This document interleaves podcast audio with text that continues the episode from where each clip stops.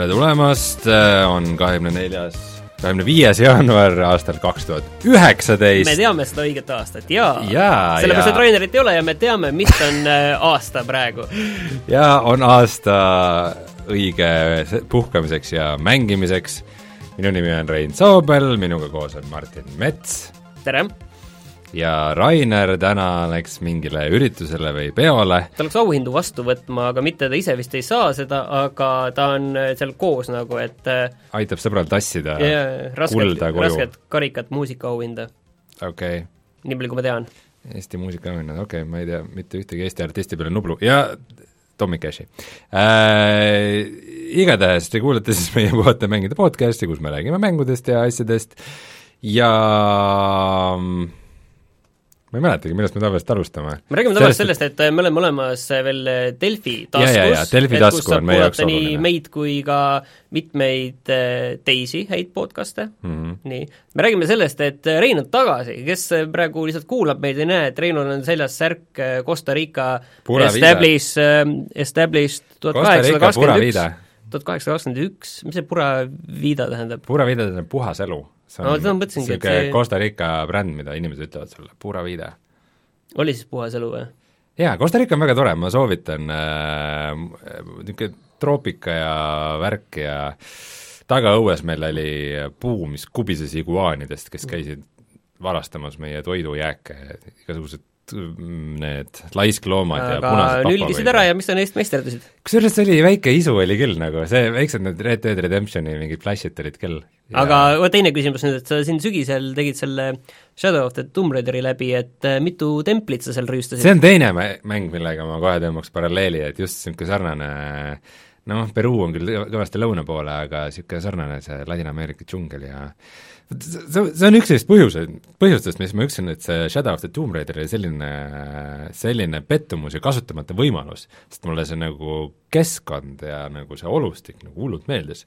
aga see mäng ise oli lihtsalt nii juust, et kohutav. Costa Rica oli parem kui Shadow of the Tomb Raider või? kindlasti. Costa Rica on tore koht, ma soovitan minna, aga see on lihtsalt väga kaugel, natukene liiga palav ja natukene kallis. nii. Jah, nii palju siis minu puhkuse muljeid. nii, räägime need YouTube'i äh, teemad äh, ka ära. nii, mis te eelmine nädal tegite, mingisugust Mario mõttetust jälle, ma saan aru? see oli suhteliselt hullumeelne Mario mäng, äh, mille nime ma ei hakka siin äh, otse-eetris praegu kordama, aga see on see Wii U mäng, mis tuli nüüd äh, Mariole New Super Brothers Ähm, ma ikka kohe, kui ma selle üles leian.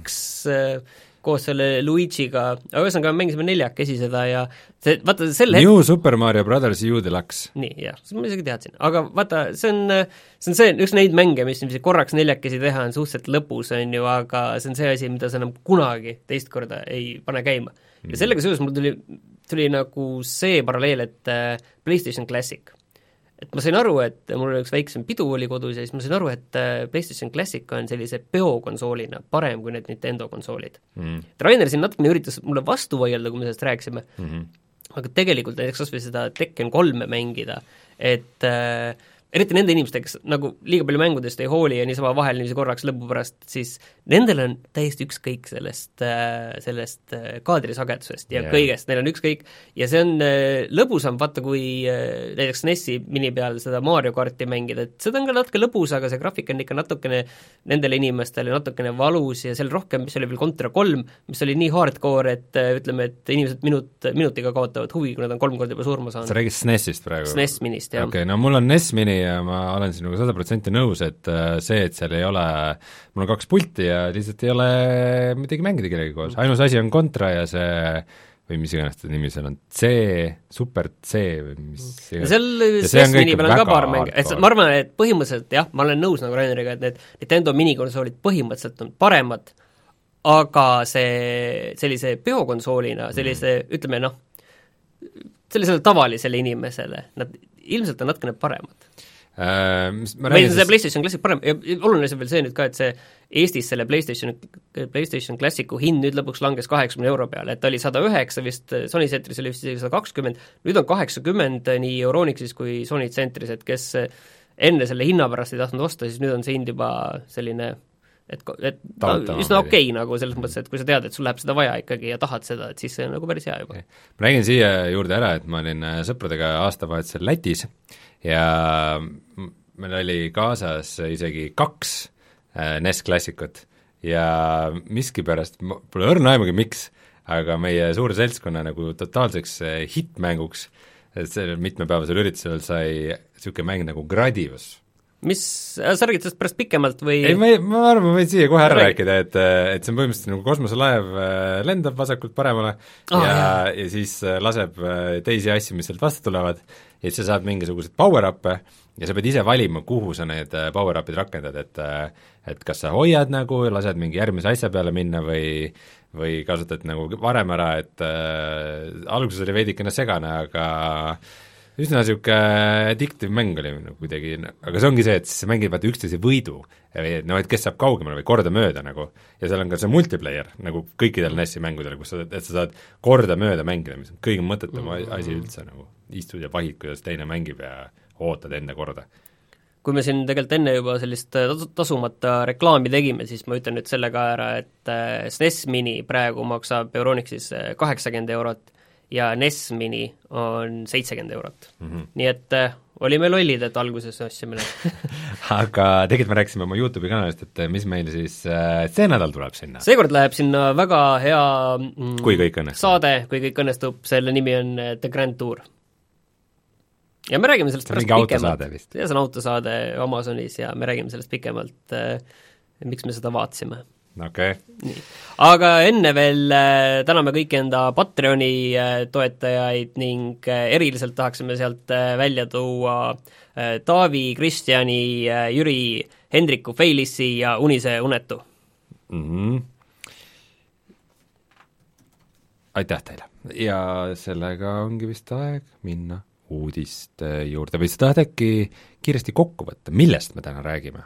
Täna me räägime sellest, et äh, PlayStation Now äh,, Play, Sony äh, PlayStation Njau, mjau, striimiteenus, ma arvan, et ma ütlen seda mjau veel mitu korda täna. Äh,, laieneb ilmselt ka Eestisse ja me räägime sellest täpsemalt äh,, siis äh, me räägime ühest äh, VR peakomplektist, Üld- üldiselt äh, me oleks selle teema välja hääletanud, kui Rainer oleks saates, aga praegu meie hääled jäid võrdseks, nii et sa tuled äh, ja räägid sellest meile kahjuks.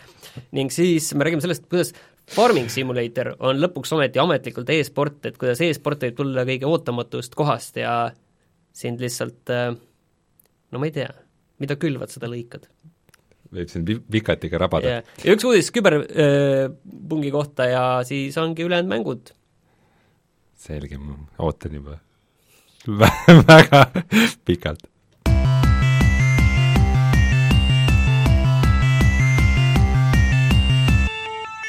Uudised tuleta meile meelde, Martin, mis asi on PlayStation Njau? PlayStation Now on siis see Sony äh, striimimisteenus.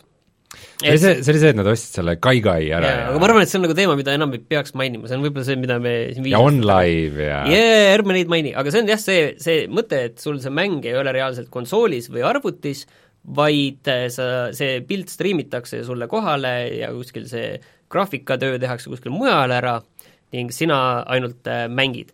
kas see ei põhjusta siis lag'i? kindlasti põhjustab, aga selle vastu on Sony nüüd äh, toonud sellise asja, et sa saad PlayStation kahe ja PlayStation nelja mänge ka alla tõmmata. et sa saad äh, neid äh, mängida koha peal ja siis ei ole mingit lag'i.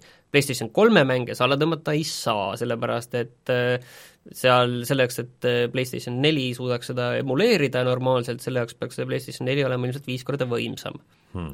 aga ja see pole varem olnud äh, Eestis kättesaadav. see on olnud äh, mõningates Mandri-Euroopa riikides, nagu, nagu vist Saksamaa, kuskil seal oli, Prantsusmaa, ta oli ka Inglismaal, aga nüüd see laieneb veebruaris siis kuskile Hispaaniasse, Itaaliasse, Portugali, aga meie jaoks on olulisem see, et Taanisse, Rootsi, Norra ja Soome mm.. ja Eesti on teadupärast Soome põhimõtteliselt. kui me, rää- me räägime PlayStationist, siis Eesti on põhimõtteliselt Soome ma tean, ma ei ole viimasel ajal lehte lugenud, aga et äh, mingi invasioon no on- Lõuna-Helsingi oleme, on ju, ja vähemalt PlayStationi jaoks ja siis äh, ja ennast saab kirja panna sinna beetasse, sel, selle beetasse juba praegu. mm. -hmm. aga see peaks kohale jõudma millalgi veebruaris äh, Soome. ma ei ole nüüd sada protsenti kindel, kas see tuleb Eestisse, aga ma olen üsna kindel, et tuleb see Eestisse ka mm. -hmm. see muidu maksab umbes kuskil viisteist eurot kuus ja ma, mina sain ennast sinna beetasse kirja panna, enda Soome kontoga re registreerida, selle beeta puhul on halb asi see, et seal kohe on suurelt kirjas, et kõik see, mida sa seal beetas teed, seda sa ei tohi kuskil jagada, see on täiesti konfidentsiaalne, ilmselt kuskil lepingule seal alla ei kirjuta, aga kui sa jah, nagu kuskil jah, jah teed, siis muidu sul võetakse see konto käest ära, kui sa tuled siia saatesse sellest rääkima, ilmselt et me saame sellest rääkida siis, kui see ametlikult lõpuks Eestisse jõuab. millal, ei ole veel täpselt teada. ja siis me saame näha kui hea see teenus tegelikult nagu on ja kas see on seda hinda väärt, selles mõttes, et see on viisteist eurot kuus. ja kui PlayStation pluss on viis eurot kuus, siis see on vaata oluliselt äh, kallim teenus, aga selles, seal on äh, mingi kuussada mängu praegu sees. et see on, äh, see on, ütleme, ma arvan, et nad üritavad seda Microsofti enda striimiteenust, mis ilmselt tuleb ka millalgi sellel aastal, on ju, seda nagu ennetada, et võimalikult kaugele jõuda enda selle striimimisteenusega. ja siin on veel oluline asi see, et PlayStation plussis kaob ära märtsist, kaovad ära PlayStation kolme ja Vita mängud, alles jäävad siis PlayStation nelja ja ilmselt ka PlayStation VR-i mängud. et äh, kuidas see nagu seda mõjutab, et kas me ikkagi hakkame PlayStation plussi eest maksma kuuskümmend eurot aastas ja, ja saame ikkagi ma ei tea, kaks või kolm mängu, varasema kuue asemel, kuigi noh, okei okay, jah, need PlayStation kolme mängud pole mind juba kaua aega huvitanud, on ju, aga ikkagi me saame nagu vähem, vaat see on see tunne, et midagi võetakse, on ju, ära, kui sa maksad sama palju, et kuidas see, kas sa tuleb mingi kombineeritud teenus, et Xboxil on eraldi Gamepass ja siis see Gold, on ju mm. -hmm. Et äh, see on iseenesest väga suur asi, et see lõpuks siia jõuab. ja ma olen noh, ütleme üheksakümmend midagi protsenti kindel, et ta tuleb siia. et äh, juba arvestades seda, et sinna beetasse mina sain ennast kirja panna ja ja aga noh, seda me näeme ja see on, see on väga oluline.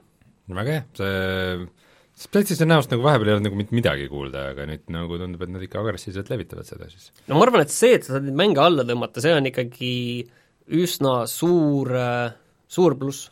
Et mm. lihtsalt küsimus ongi lihtsalt, et kas see viisteist eurot, kui see jääb viisteist eurot, kas see hind ennast nagu ikkagi õigustab, et see on, see on üsna krõbe, arvestades seda, et ilmselt ma olen see kuussada küll, on ju, mänge on nagu palju, kõlab. retromängud ikkagi. aga isegi mitte retro, aga lihtsalt seal on tõenäoliselt ütleme, et PS, PS3 mängud, PS2 mängud, PS4 mängud, noh reaalsus näiteks minu puhul on ju see, et äh, ma olen enamikke, mis mind huvitab, ma olen mänginud mm.. seal on lihtsalt mingid asjad, mida ma ei ole, on ju, jõudnud teha või pole ostnud ja siis on mingi muu asi tulnud ja nii edasi, lihtsalt kuidagi on nagu jäänud vahele.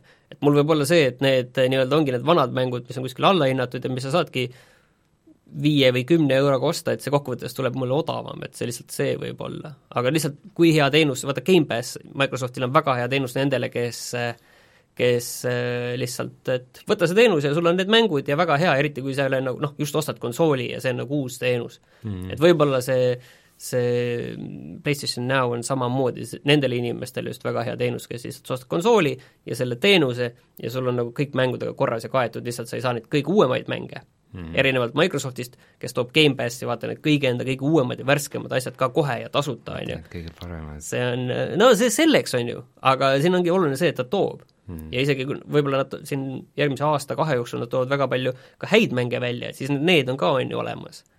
aga PlayStation näo on ikkagi selline nagu arhiiv ta, ta ei ole vaata selline väga selline, et ta jookseb ajaga kaasas, käib ja sul need värsked mängud tulevad sinna, et see samas see, et ta praegu nagu kaks tuhat üheksateist aastal nagu areneb ja laieneb, näitab ka seda, et äh, sinna suunatakse ressursse, mis vihjab ka sellele, et äh, kui tuleb uus gena-, konsooli generatsioon, siis äh, PlayStation Now on ka seal kuidagi esindatud. ei kindlasti, see no selles mõttes äh, sellest striimimisest me nagu siin üldiselt ka ei pääse. ja mis PlayStation Now on vaata sinule väga hea, sest kes sa ei viitsi enda konsooli kasutada mm, -hmm. kes sa hädaldad, et sul on see neetud äh, tavaline PlayStation, sul seda Prod ja, ja kui ei ole Pro ja parim, siis sa ei tahagi seda kasutada, vaid äh, siis sa saad arvutis mängida neid mänge, kuigi ilmselt see pilt on ikkagi striimides selline kompressitud ja veits kehvem.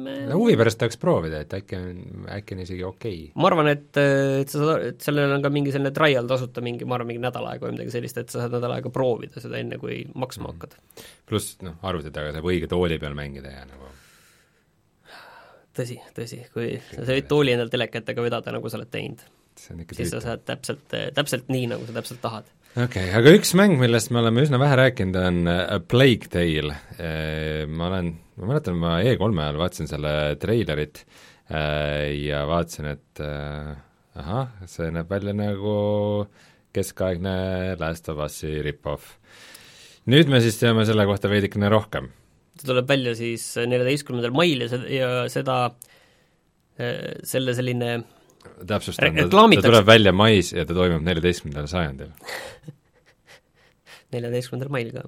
nii, aga seal on see point, et seda reklaamitakse sellise üksikmängija koostöömänguna, on ju, et äh, mis võib natukene sellise natuke juhtme kokku ajada, aga ilmselt kes Päästavas? saab ei, äh, pigem äh, minul tuleb ette see Brothers äh, Tale of Two Sons kohtub Last of Us'iga, et see on nagu sellist tüüpi mäng nad tahavad olla mm. -hmm. ja, ja seal, seal on ka vist, et sa pead seda väikest last endaga kaasas vedama läbi selle mingi sõja ja katku ja koleduste, on ju, mhm. et see nagu ideena kõik kõlab nagu väga hästi, aga vaat siin ongi see, et vaata Last of Us'i Äh, odava eelarvega on väga lihtsa, lihtne teha väga halvasti mm., ütleme niiviisi, ja sellise no korraliku, vaat selle, see produktsioon ja see läbimõeldus, see annab sellele nii palju juurde lihtsalt, et et see võiks olla väga keskpärane mäng, kui, kui see oleks niiviisi odavalt ja lihtsalt tehtud, on ju, et ei oleks iga stseen niiviisi läbi mõeldud.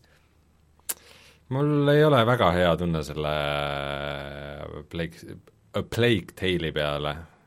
vot see on ka, et see on selle, selle selle kohta, see mul kuidagi äh, no treenerides tundub nagu nii vastikult üritab nii tõsine olla, aga see ei ole nagu päris tõsiseltvõetav, mis seal ikkagi pärast ekraanil toimub, et aga see on ka veel see, et see on selle stuudio, kes seda teeb, eh, selle, see on Asporo, et see on selle esimene mäng ja see on Asobo. see Asobo jah, et selle, see on Prantsuse stuudio esimene mäng ja see on varem teinud umbes selliseid asju nagu mingi äh, selle Pixari filmide neid äh, filmimänge nagu mingi Toy Story kolm ja Wall-E ja seda Wall-E'd ma olen mänginud, see ei olnud kõige hullem platvormer, aga selline noh, okei okay.. aga lihtsalt ta on teinud selliseid asju, on ju, et sealt see on okei okay.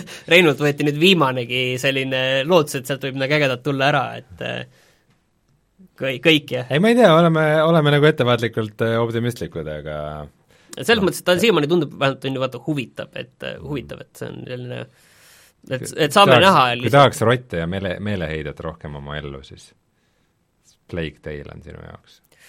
neliteist mai. ma niiviisi pärast veel välja reklaamiks, ma ütlen, et ootame ja vaatame, et eh, mis sellest eh, saab. aga mina olen eh, viimasel ajal mänginud Stardew Valley't ja seetõttu väga palju just niisugusel põllumajanduslainel, sellest ma räägin hiljem pikemalt, aga siis või kas me peaks üle minema farming simulatori peale ja hakkama e-sportlaseks? Ja ma arvan küll, et kes ikkagi enda vikateid paremini teritab, et see, seal saab äh, teada, et see on mõnes mõttes nagu kõige ma ei olnud nagu varem kuulnud, et üldse nagu selles nagu võisteldakse ja et see on kuidagi selline teema, aga tegelikult äh, tegelikult see on päris äge, et vaata, selline e-sport tuleb nagu täiesti suvalisest kohast, on ju, et mm -hmm kes ikkagi paremini enda põldu väetab ja põrd, põllul masinatega askeldab ja korjab kõige optimaalsemalt, et tegelikult see arendaja, et nad ei ole päris täpselt öelnud, kuidas see nende e-spordi liiga hakkab toimima, aga neil on vähemalt seal mingi veerand miljonit eurot auhinnafond ja ja, ja iseenesest see on huvitav, vaata, et neil peab ikka väga hästi minema, et nad saavad sellise asja ka välja kuulutada ja see, üks miinus selle juures on kindlasti see, et see põhimängijaskond on vist Saksamaal, nii et äh, kogu see asi hakkab ilmselt olema pigem saksakeelne või? No seda ma ei tea, et aga, aga ta on, ta on jah, seal äh, nii-öelda Mandri-Euroopa on selles nagu väga teemas kuidagi mhm. mingil põhjusel ja mingi sürrus siin muidugi toimub selles mõttes, see on niimoodi, et äh, inimkond äh, tegeleb väga palju põllumajandusega, siis tuleb tehnoloogia, mis ütleb, et nii, nüüd ei pea kõik inimesed kogu aeg ainult põllumajandusega tegelema, et saate muid asju teha. ja siis inimesed istuvad arvuti taga ja simuleerivad seda, et nad tegelevad põllumajandusega, et siin on mingi väga, väga sürr mingi paradoks kuskil peidus, mulle tundub kusjuures jah, ma olen nõus, aga vaata, ma just tahaks veel rääkida, et see Saksamaa mängu äh, selline skeene või see Saksamaa, see on nagu väga veider minu meelest ja teiste, noh, ma ei ütle, et halvas või heas mõttes isegi, ma ei oskagi seda öelda, mis mõttes see on, aga see on, see on vaata teistsugusem. et Saksamaal, mida nagu Saksa, Saksamaa kõige skeene? ei tea, ma olen ikka käinud ja vahel tundub päris normaalne, on olnud ka ebanormaalsemaid hetki, aga ma vihjan muidugi tehnomuusikale. aa ah,, okei okay,, ma mõtlesin nüüd teist asja. aga see, et äh, seal äh, vot seal ongi sellist tüüpi mängud, need simulaatorid, kõik need, mitte ainult see farming, vaid kõik need muud miljonid simulaatorid, mis on see prügikoristus ja klassikaline, on ju.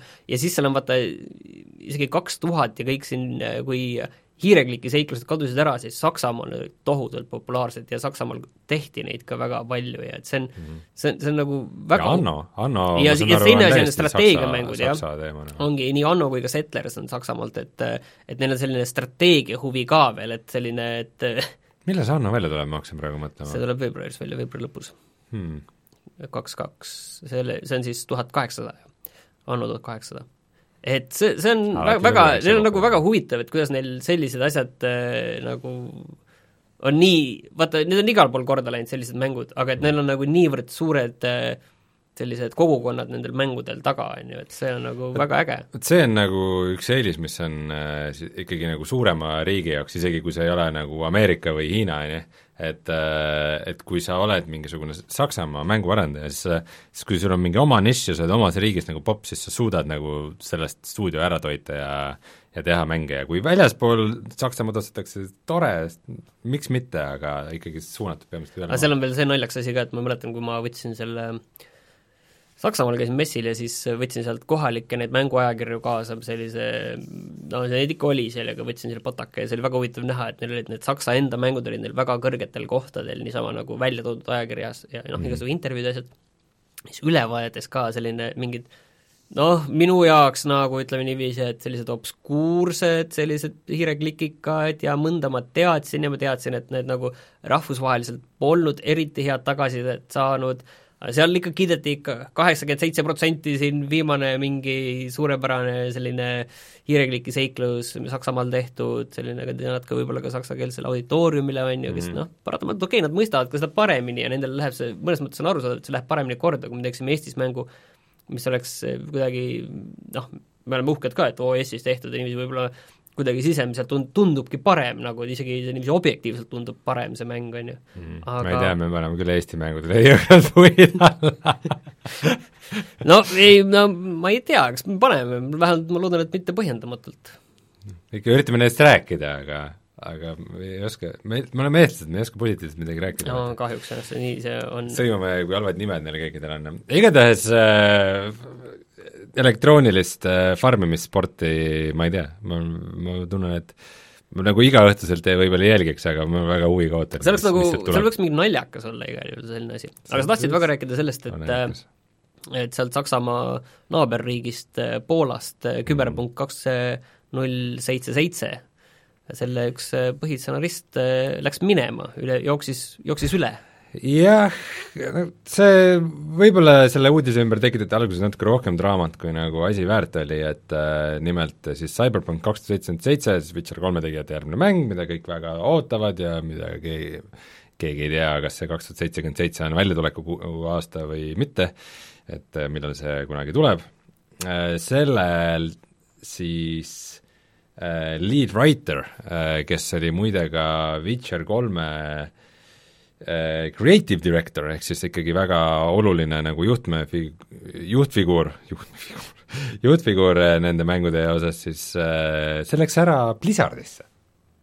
Mis see Blizzardis teha on, mis on Blizzardis huvitavamat teha, kõige, kõige suurem, kõige suurem šokk on see, et kas ta jättis lihtsalt Cyberpunki pooleli nagu üks põhiline tüüp ja kõndis minema nagu Ameerika mõnusa raha juurde aga tõenäolisem on see, et tema töö sai seal ikkagi tehtud, et see et ma just tahtsin küsida, et, nagu et ütleme, et kui jääkski pooleli, et mis saab olla Blizzardis huvitavamat väljakutsujat, väl-, suurem väljakutse, ütleme, kirjutajale, kui teha äh, CD Projekt Redis äh, ägedaid mänge, mis see saab üldse olla?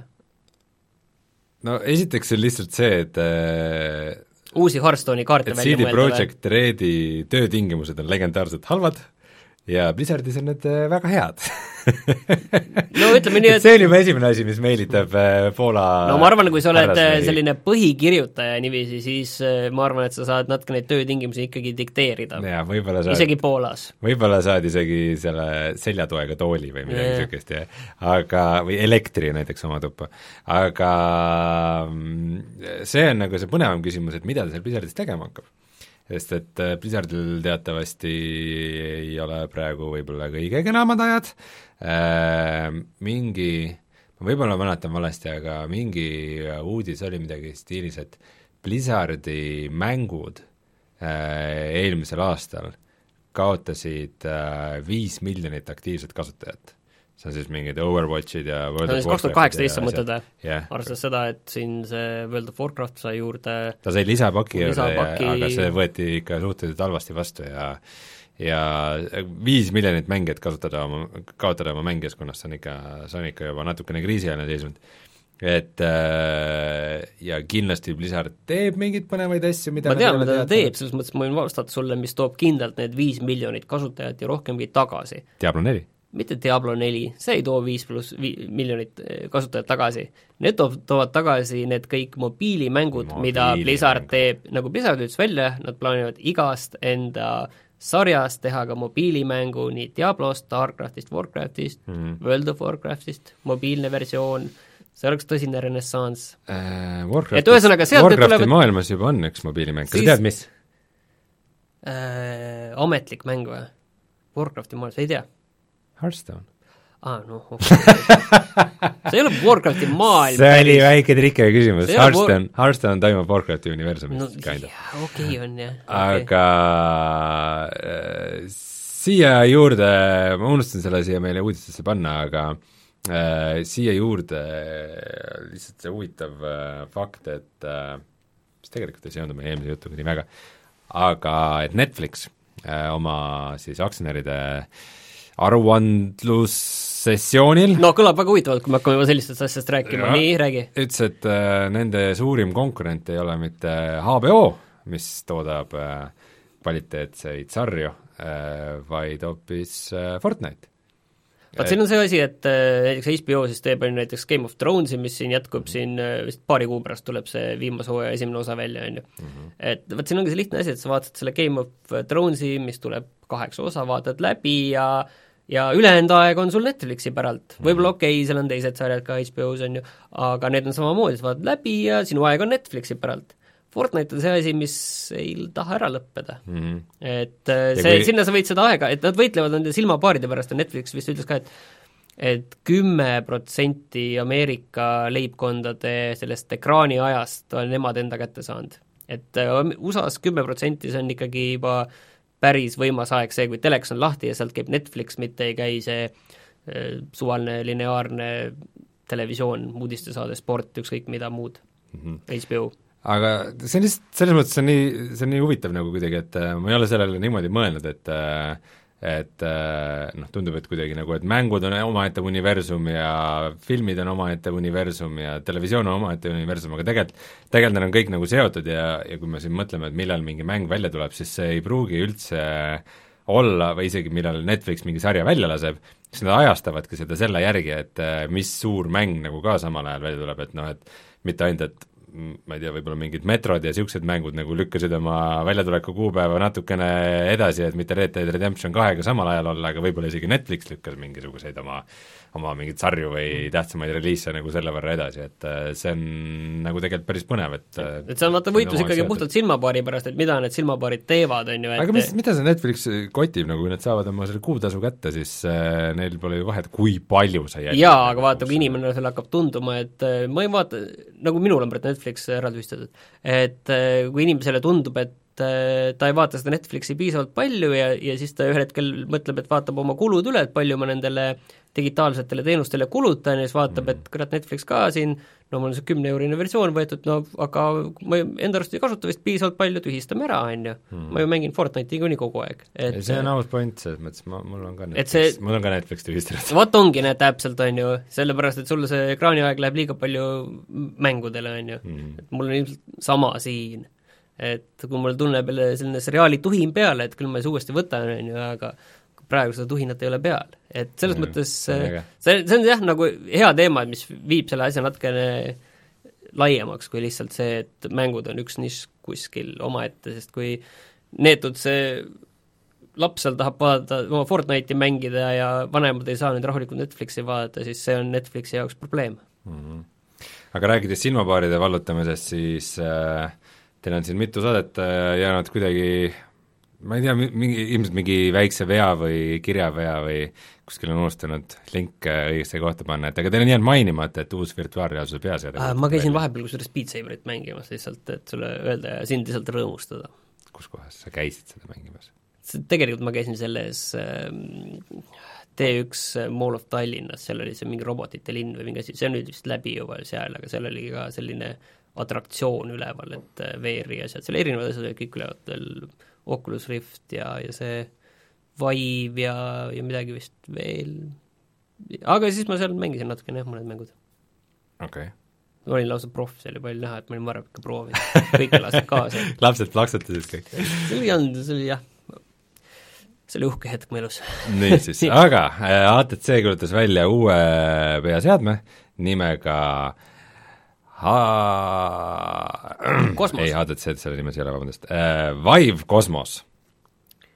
nii, ja mis seal siis vaadata saab, tähti või? taevatähti?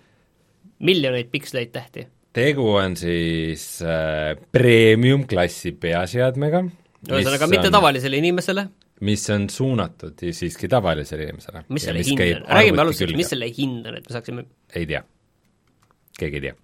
Äh, seda, seda infot nad välja ei kuulutanud. Aga äh, mida selle kohta on teada, on see, et äh, sellel on siis inside-out tracking, mis tähendab, et sa ei pea üles sättima mingit kontrollereid ega majak- äh,, vabandust, mingit sensoreid ega majakaid ega niisuguseid asju, et sa paned selle ühe juhtmega ühe USB juhtmega paned plõks arvuti külge ja juba nagu töötab.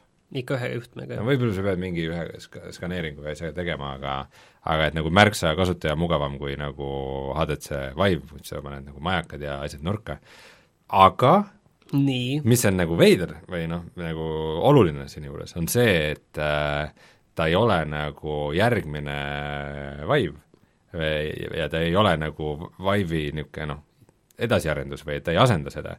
et nüüd on siis põhimõtteliselt HTC-l on neli paralleelselt peaseadet. no viskavad asju vastu seina, vaatavad, mis kinni jääb. Neil on, neil on tavaline Vive, neil on Vive Pro, siis on see Cosmos, mis tuleb millalgi see aasta välja, ja siis HTC Vive Focus, see stand-alone asi, mis mul vahepeal siin käes oli ka. ma vist äh, lihtsalt ütlen selle siia vahele ära, et ma pärast esitan Euronixile arve ka, aga selles mõttes, et äh, Euronixis on Vive Pro müügil praegu kuuesaja euroga, et allahinnatud, see on vist äh, ikkagi mitusada eurot vist odavam, kui ta muidu on. aga see, kes on nagu, kellel, kes on mõelnud ja kellel on tõesti vaja, siis see on ilmselt mm. päris hea ja mõistlik hind juba. Äh, see on tõesti okei okay,, aga see on siis ilmselt ainult peaseade, et seal ei ole majakaid ja pilte?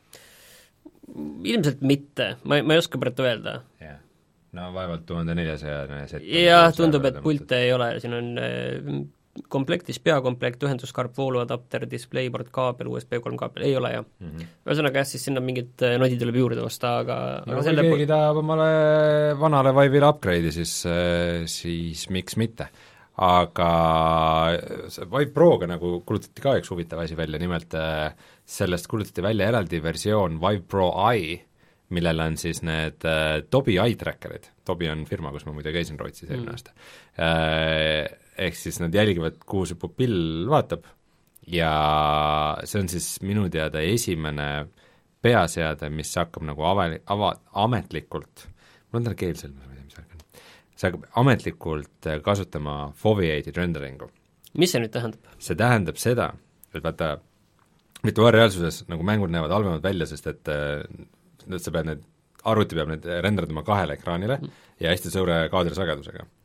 Äh, aga kui sul on tehnoloogia, mis jälgib pupille, siis saab sind nagu ära petta või? siis põhimõtteliselt see koht, kuhu sa vaatad, on teravalt renderdatud ja ülejäänu on renderdatud madala kvaliteediga. aa, okei okay,, selge. mis tähendab, et see üldine sinu elamuse kvaliteet tundub nagu palju vägevam nii, sama, mis ma praegu niisama niiviisi vaatan ringi, siis sind ma näen nagu selgelt, on ju, aga see küljed ja see kõik on natukene udusem, aga sellepärast, et äh, ilmselt mõistus mul praegu ei renderda seda nii teravalt, sellepärast et mul pole vaja täpselt näha, mis siin on, võib-olla kui ma oleksin metskit, siis see renderdaks siit kõrvalt natuke paremini, et näha, kas hunt tuleb ma ei tea, kui hästi Metskits renderdab oma asju, aga noh, arvutitehnoloogias pigem lähtutakse inimestest, aga see on selles mõttes suur ja äge asi, et nagu Foveat renderikust on räägitud nii kaua, kui virtuaalreaalsus on olemas olnud, aga ma ei tea ühtegi varasemat mm. case'i, kus seda nagu päriselt oleks nagu mingis tootes no selles mõttes selle eelduseks on jah see, et sa pead teadma, kus, kuhu sa, inimene vaatab reaalselt, kus tal silmad on ja see peab toimuma ilgelt kiiresti, sest selleks ajaks, kui see pupill vaatab teise kohta, siis peab juba see terav olema, on ju.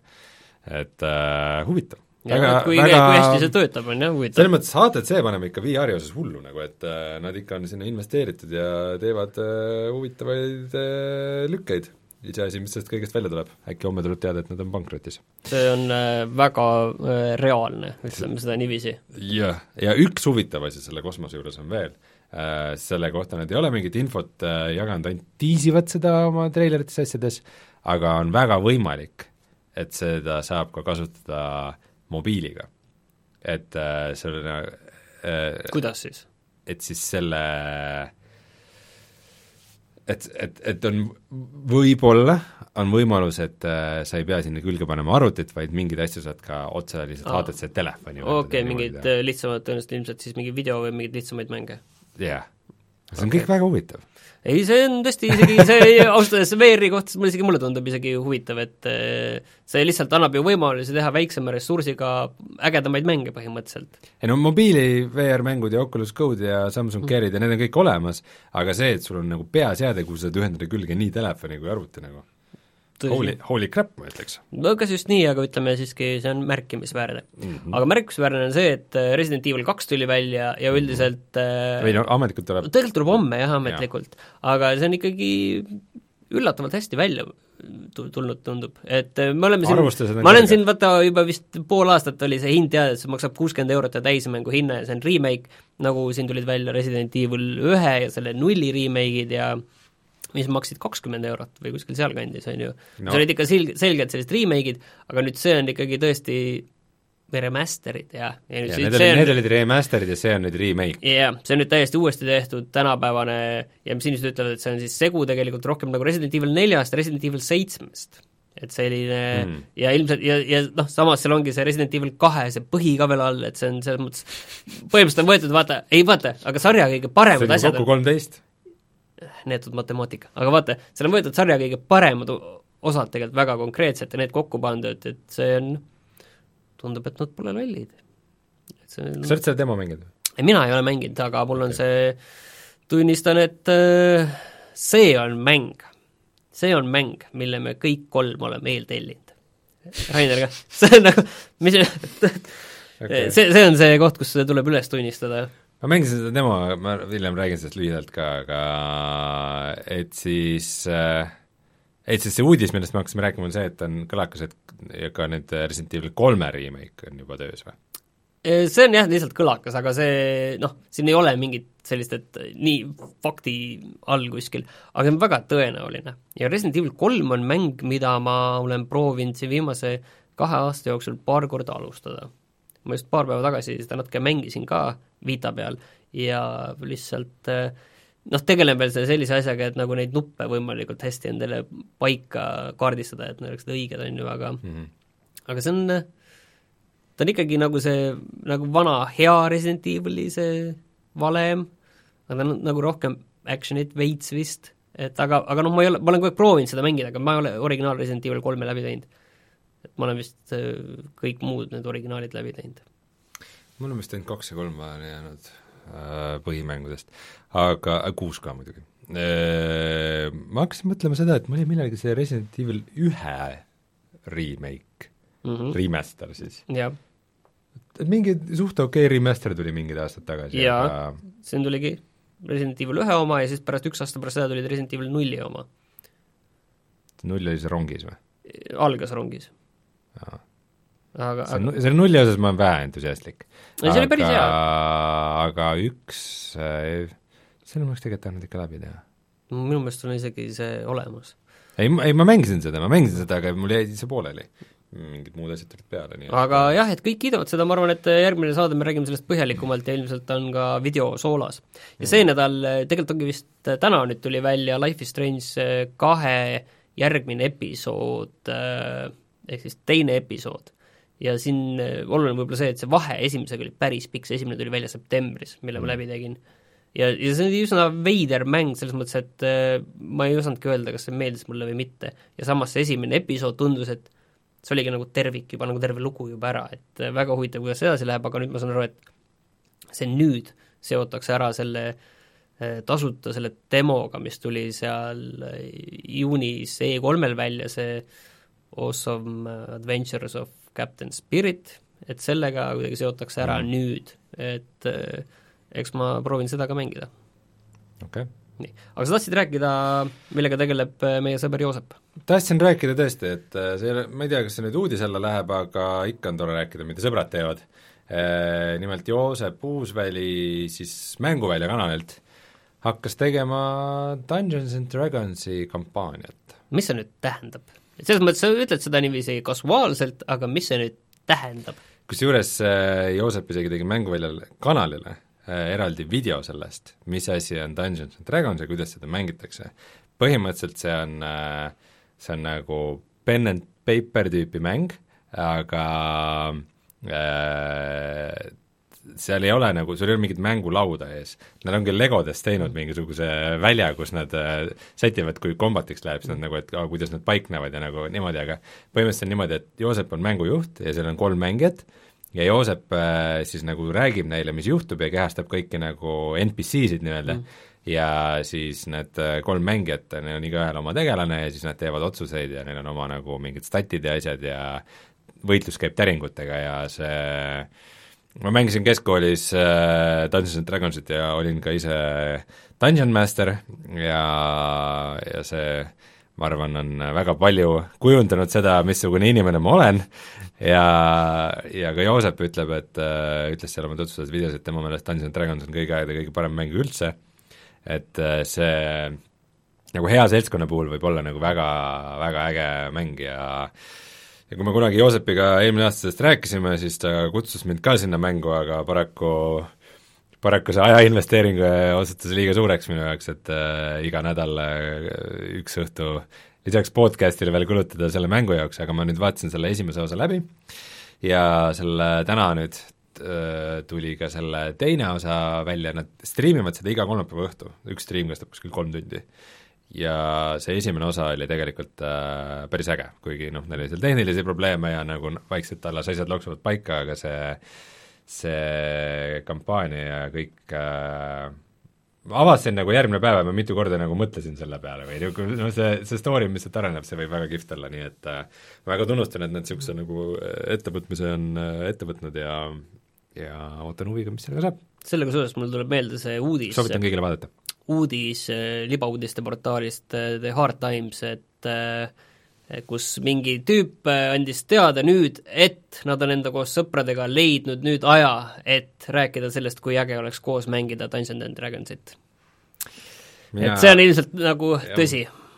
See oli isegi keskkoolis ja peale, vahetult peale seda oli see väga keeruline või isegi võimatu ja praegu ma kujutan ette, et veel raskem, see on, see on ikka korralik äh, ettevõtmine, ütleme mingi bändi tegemine on märksa lihtsam. no ma usun ka. aga lähme räägime nüüd mängudest. Lähme räägime mängudest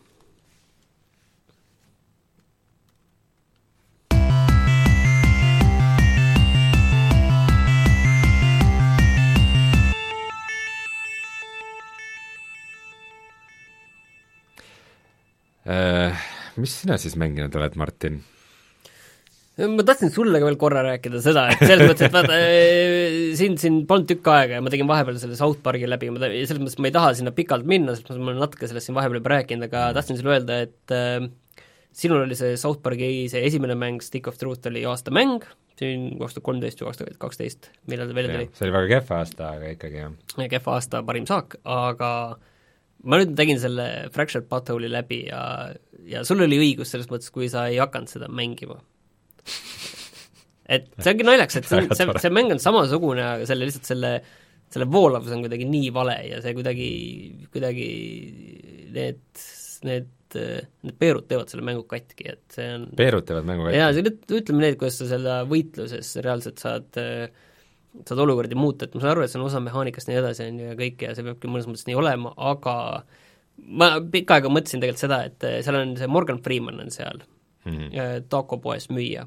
ja sa võid talle kallale minna, aga ta on ülitugev mm. -hmm. ja selle mängu suurim väljakutse ongi, et pärast mängu sa lähed ja, ja võidad Morgan Freemani. et see, ta on niiviisi, et ta äh, selles mõttes ühe löögiga või ühe selle käiguga võib teil sind kõik ära tappa. Et kõik neli tegelast, kes sul on, võib ära tappa ja siis ma mõtlesin, et vau wow,, et see on mu suurim väljakutse, et ma, et noh, lugesin korra natuke selle kohta ja kõik oligi, et ei, ei, ei, enne kui sul mäng nagu läbi pole, sul ei tasu nagu mõeldagi see, et sa lähed Morgan Freemani tapma Mm -hmm. aga nii kui ma olin seal lõputiitritele jooksnud, uninstall ja maha ja ma ei läinud selle Morgan Freemani tapma lihtsalt.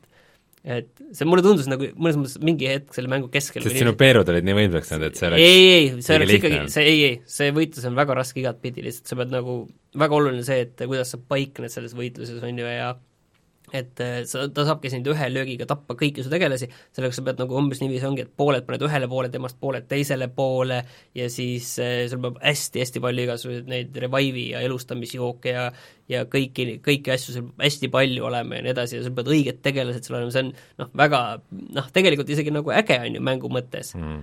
aga ma lihtsalt ei jaksanud. Okei okay., ühesõnaga ma võtan nüüd, ma teen vahepeal väikse vahekokkuvõtte. Ei, ma arvan, sa võid teha isegi lõppkokkuvõtte. South, South Park The Fractured Butthole on halb mäng, sest et sa tundsid mängu lõpus, et sa ei viitsi minna takopoodi äh, Morgan äh, Freemaniga võitlema. põhimõtteliselt küll. nii, ma lihtsalt tahtsin seda sulle ka öelda, et see, see on nii hea mäng. aga mis ma tegin läbi ja mis on väga hea mäng, on äh, mida ma ei ole kunagi varem läbi teinud mingitel segastel põhjustel, on siis äh, Day of the Tentacle. ja see lihtsalt algas sellest, et ma siin äh, nädal või natuke rohkem tagasi puhastasin endale Vita tolmust ära, ma just mõtlesingi, et jaa, et PlayStation pluss lõpeb varsti ära, praegu ongi nagu see PlayStation pluss veel see, et vaatad, mis sinna tuleb, proovid need mängud korraks nagu ära. Ja need tasuta mängud, mõned on natuke uued ka, et siis enamasti on need suhteliselt mõttetud, aga siis ma vaatasin se- seda, et mis mängud mul on sinna installitud, et ja mis mind kõige rohkem närvi ajab, et mis mul on lõpetamata, siis ma vaatasin Persona neli Golden, see tundus nagu, et ma olin sinna juba mitukümmend tundi pannud ja siis tundus nagu nii raske sinna ree peale saada, aga võib-olla ma veel võtan selle ette, aga, aga see tundus nagu üks asi, ja siis ma vaatasin Day of the Tentacle. Mm., need, et see on mul läbi tegemata, mõtlesin, et tegelikult võiks ju selle läbi teha, et selle peaks nagu, see remaster tuli vist välja kaks tuhat kuusteist, pärast seda Grim Fandango remasterit vist, ja see tundus nagu, et selle võiks läbi teha küll, et äh, et siin mängi-, räägid mängudest siin ja siis see võiks olla nagu teadmine, mida sa tead ja et, et see on sul läbi tehtud, see on nagu hea mäng, et kõik, kõik teavad, et see on hea ja vääriti oluline mäng. ja siis ma võtsin ette ja tegin selle läbi kas see oli pikk mäng? ei olnud, ta oli üllatavalt lühikene. ta oli alla kümne tunni kindlasti. ja ta on, ta on raske mäng, on ju. Ta on, see on selles mõttes, seal on nagu väga üheksakümnendate vibe ja ta on selline jabur ja seal oli vist see teema, et sa vahel pidid kirjutama asju sisse ja Ei, ei, mis, mis ei. su mängija tegema peab. ei, selles mõttes kirjutama on see, noh, originaalis on see, et sa ei pea kirjutama seda, vaid sul on need käsklused jah, et open door ja give see sellele ja aga noh, see on kõik nüüd tehtud selles uusversioonis ikkagi selle noh, selles mõttes hiirekursor on selle kontekstiga, et sa saad valida sealt selle õige asja, mis tahad teha, et sa ei pea neid noh, alt nurgast neid käsklusi võtta, sa saad küll iga hetk, kas see niiviisi, Node'i pü- põhine. ja sa saadki iga kord ka noh, sa saad selle, kui tahad, võid seda originaali peale selle graafika ja kogu kasutajaliidesega vahetada nagu ühe nupuga saad vahetada jah. see on äge. jah, et äh, no et ongi noh, üks-ühele on ju remake, et Rainer, ma mäletan, kurtis vist, et talle see graafika, mis uus on, see nagu üldse ei meeldinud, aga noh, minu meelest on nagu okei okay., ilmselt ei saanud teistmoodi ja mis ta nagu noh, ta ongi nagu selles mõttes, sisu on nagu selline lihtne, et seal mingi äh, sellised kombitsad võtavad maailma üle ja siis pead minema päästma ja, ja kolm tüüpi on sul ja need, üks tüüp on olevikus, üks tüüp on minevikus ja üks tüüp on tulevikus, sama selline suur selline ta pole mõis, aga selline Härberi hoone või selline uhke hoone ja siis sa saad neid esemeid, nagu noh, hiirekülke seikluses on, korjad üles esemeid, kasutad neid igal pool, omavahel kasutad neid esemeid, neid saad nende tegelaste vahel saata. Ja ma mäletan, et vanasti see probleem oli mul see, ma olen seda mängu üheksakümnendatel ka proovinud, on ju, see probleem on see, et oh, ma saatsin selle eseme sellele sinna ja see noh, see saatmine võtab tükk aega aega, sa pead minema selle ajamasina juurde, mis on tegelikult peldikupott, on ju, selle asja sinna peldikupotti viskama ja see teise tüübina selle peldikupotist üles võtma, on ju, ja seda kuskil kasutama. ma saatsin neid asju, viskas kõik nii segamini ja nüüd ma nagu hästi palju keskendusin sellele, et eh, mis mulle räägitakse, kuidas ma pean midagi tegema jaa, ma vahepeal kasutasin ka seda äh, väikest vihjetelefoni, mis on siis, et äh, see, et äh, seal UHS hintsis, et et sa saad mingi natukene mingi ree peale, sest muidu ma oleks võib-olla mingisse kohta küll jõhkralt kinni jäänud, et see väga kauaks, aga kui sa enam-vähem tead, mida teha, siis see läheb kiiresti ja lõpp oli väga üllatavalt lihtne, arvestades selle mängu muidu, muidu see mäng, ikkagi ta on raske. Mm.. ta on raske ja seal on paar kohta, mis on täiesti absurdsed. nagu ikkagi täiesti absurdsed, mis ei oska kokku panna seal on mingi, mingi hetk on see, et äh, kui sa oled seal mängus sees, siis sa saad aru, et kui mingi asi on seotud noh, nagu märksõnapõhine on see, et kui sulle öeldakse, et mingi asi on seotud näiteks naeruga, siis sa mõtled, kus kohas on veel, selles mängus üldse on naeru mm. -hmm. ja siis saad aru, tegelikult on üks koht, kus selles mängus on veel naeru ja siis sa pead sealt naeru juurest saama mingi asja või kuidagi selle, selle asjaga lahendama, tegelikult nagu seal ongi need, iga mõistatus on niiviisi, et sul on lihtsalt nagu selline Exceli tabel, kus on kaks tulpa, et seal ongi lihtsalt need, need tulbad kokku viima ja see ongi lihtsalt see mingid märksõnad. Ja nendega viid need asjad kokku, et ta on hästi selline, sellise veidra loogikaga okay.. et kuidas need asjad kokku viis, need asjad loogiliselt nagu ei, ei, sobi kokku, aga kui sa võtad see on minu arust nende üheksakümnendate hiireklikikate üks suurim jama, et sa pead ennast panema mingisse meeleseisundisse, mis oli on, samal ajal, kui need ja, ja, arendajatel oli seda mängu tehes ja sellest, sellest nagu pihta saama sellele, mis, mis neile sel hetkel tundus naljakas. see Day of the Tentacle on eriti just selline mm., et seal on sellised asjad ongi, et näiteks Monkey Islandid ja äh, ja samast ajast näiteks Indiana Jones eh, and the Fate of Atlantis, need on selles mõttes palju lihtsamad tegelikult, seal on rohkem sellist eh, lihtsamat loogikat, et seal on küll ka trikiga asju ja muidugi jah, rubber duck with the balli ja nii edasi, need on natukene selline hardcore'im asi, aga seal on ka sellist eh, noh, üldiselt need on lihtsamad. aga seal on sellist, tõesti sellist veidrust seal puseldes palju rohkem. ja nüüd ma neid asju nagu erinevate aegade vahel saatsingi ainult siis, kui ma sain aru, et ahaa, seal ongi täpselt see märksõna on kuskil teises ajas. ma tean, et mul teisel tegelasel on sellist tüüpi selline asi, millega seda teha. muidugi seal oli mingeid asju, mis ei toiminud, kuigi et oligi vaja mingit ajakapslit avada, siis esimene asi, et oh, mul on ju sõrkang ühel teisel tegelasel ja siis sa võtad aja ja saadad selle sõrkkangi sinna teise aega, noh, sa pead reaalselt jälle minema selle, nende ajamasinate juurde, teed selle ära ja saad aru, äh, ei olegi sõrkang, et siin on mingit muud asja vaja, okei okay,, siis mul oli avaja ka olemas, ma leidsin tegelikult selle konservi avaja. et okei okay,, sellega, no selge. seal erinevaid selliseid asju veel, et mõned asjad nagu, et tundus, et sobib, aga siis on okei okay,, teine asi on ka olemas, mis on sarnane ja see teine sobis, on ju mm. -hmm. aga seal, ja lisaks oli äge seal kuulata neid äh, arendajate kommentaare, et äh, miks kõik see mäng selline oli, see on selle remasteri juures tegelikult hea, ma soovitan neid kuulata. Mm.. huvitav on see, et ja seal sees on see originaal, see Maniac Mansion, mis oli selle nii-öelda tegelikult esimene osa, et Day of the Tentacle on tegelikult teine osa. Mm.. et see on ka seal mängus sees, saad seda mängida, ja selles on see veidrus asi, et seal on, Maniac Mansionis oli kolm tegelast, aga sa valisid need kolm tegelast mingi kaheksa tegelase hulgast. ja siis seal arendaja kommentaarist, mis mul alati ongi raske, on see, et seal on kolm tegelast ja sa pead neid asju omavahel saatma, arendajate kommentaarist tuli välja, et oo, mäletad, alguses me plaanisime teha seda kuue tegelasega, et äh, ma ei tea, kas sellised kuus eri aega või kuus tegelast või mängitavat tegelast, et oi, see oleks täielik hullumeelsus olnud, aga no meil playtestides, no tead, see ei äh, no tundus, et see ikka päris ei toimi, et inimesed olid täiesti clueless'id, et äh, mida teha üldse. et aga ma kindlasti soovitan, et see on selline asi, mis vajab nagu sellist natukene, et sunnid ennast, et see nagu ära teha, et mm -hmm. et mul ongi reaalselt, ma arvan, et ma olengi seda mängu reaalselt siin äh, kõigi nende aastate jooksul mingi kümme korda alustanud, et see, ja nüüd mul on väga hea meel, et ma selle lõpuks tegin läbi. tubli saavutus. jah. ma nendest vanadest hiireklikikatest rääkides hakkasin mõtlema, et millal see uus Larry välja tuleb, ei tea ei tea ja noh, me liiga palju ei hooli, mul on tunne, et Rainer mingil põhjusel väga hoolib sellest Larryst, millest ma ei ole nagu aru saanud, mis see, mis see võib-olla tuleb minevikku sellega, aga ma, ma ei tea, mis see, see, võimalik, et see on üldse väljas juba, ma ei imestaks seda, aga ei, ma ei usu. ma nagu ei ole kunagi sellest äh, kunagi ei ole sellest nagu väga aru saanud ja ei ole neid asju nautinud. noh, on ma, ei, ma ei leia praegu absoluutselt. jah, see on vist õige. ei, see on kaks tuhat kolmteist, mis tuli välja. aga ma ei tea, on, mingi on veel järgmine, mis on tulemas.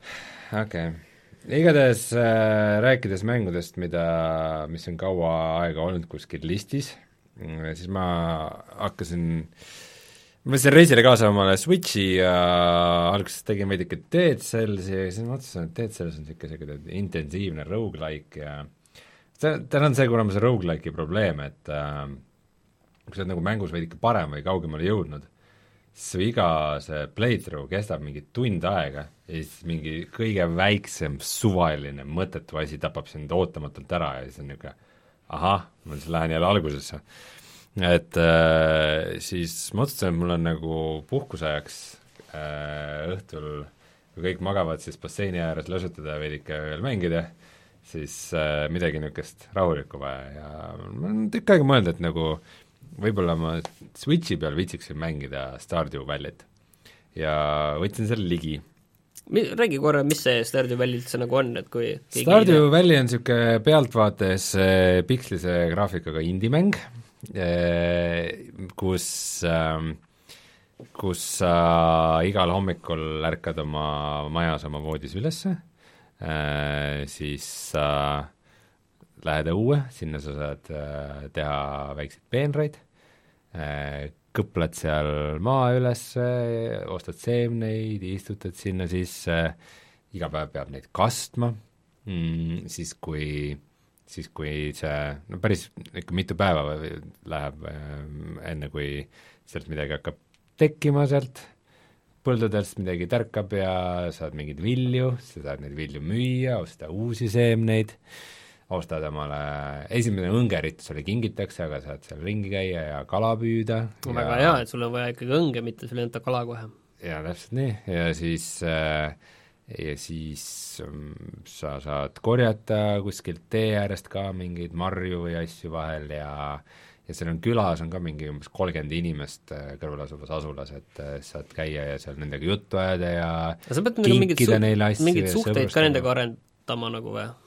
Äh, see on üks aspekt mängust, mis mind väga nagu ei huvita, et äh, ma olen seda suhteliselt ignoreerinud, aga võib-olla tulevikus ma pean ikkagi seda veidikene tegema, et et ma seal väga nillinud ja sõbrustanud ja ka kohtingule kedagi pole viinud, aga muidu vist mängus nagu no mingi see suhtlus on olemas, jah. et sul on iga käega on nagu see, et kas, kas kas sa meeldid talle või mitte ja no selles mõttes, et võib-olla sellest oleks kasu, et äkki saaksid enda majapidamisse ühe abikäe juurde, et kui me räägime ikkagi põllumajandusest, siis see on siis see on kasulik investeering. jah, et lapsi alla kümne sellel ajal ikka ei olnud, ma arvan.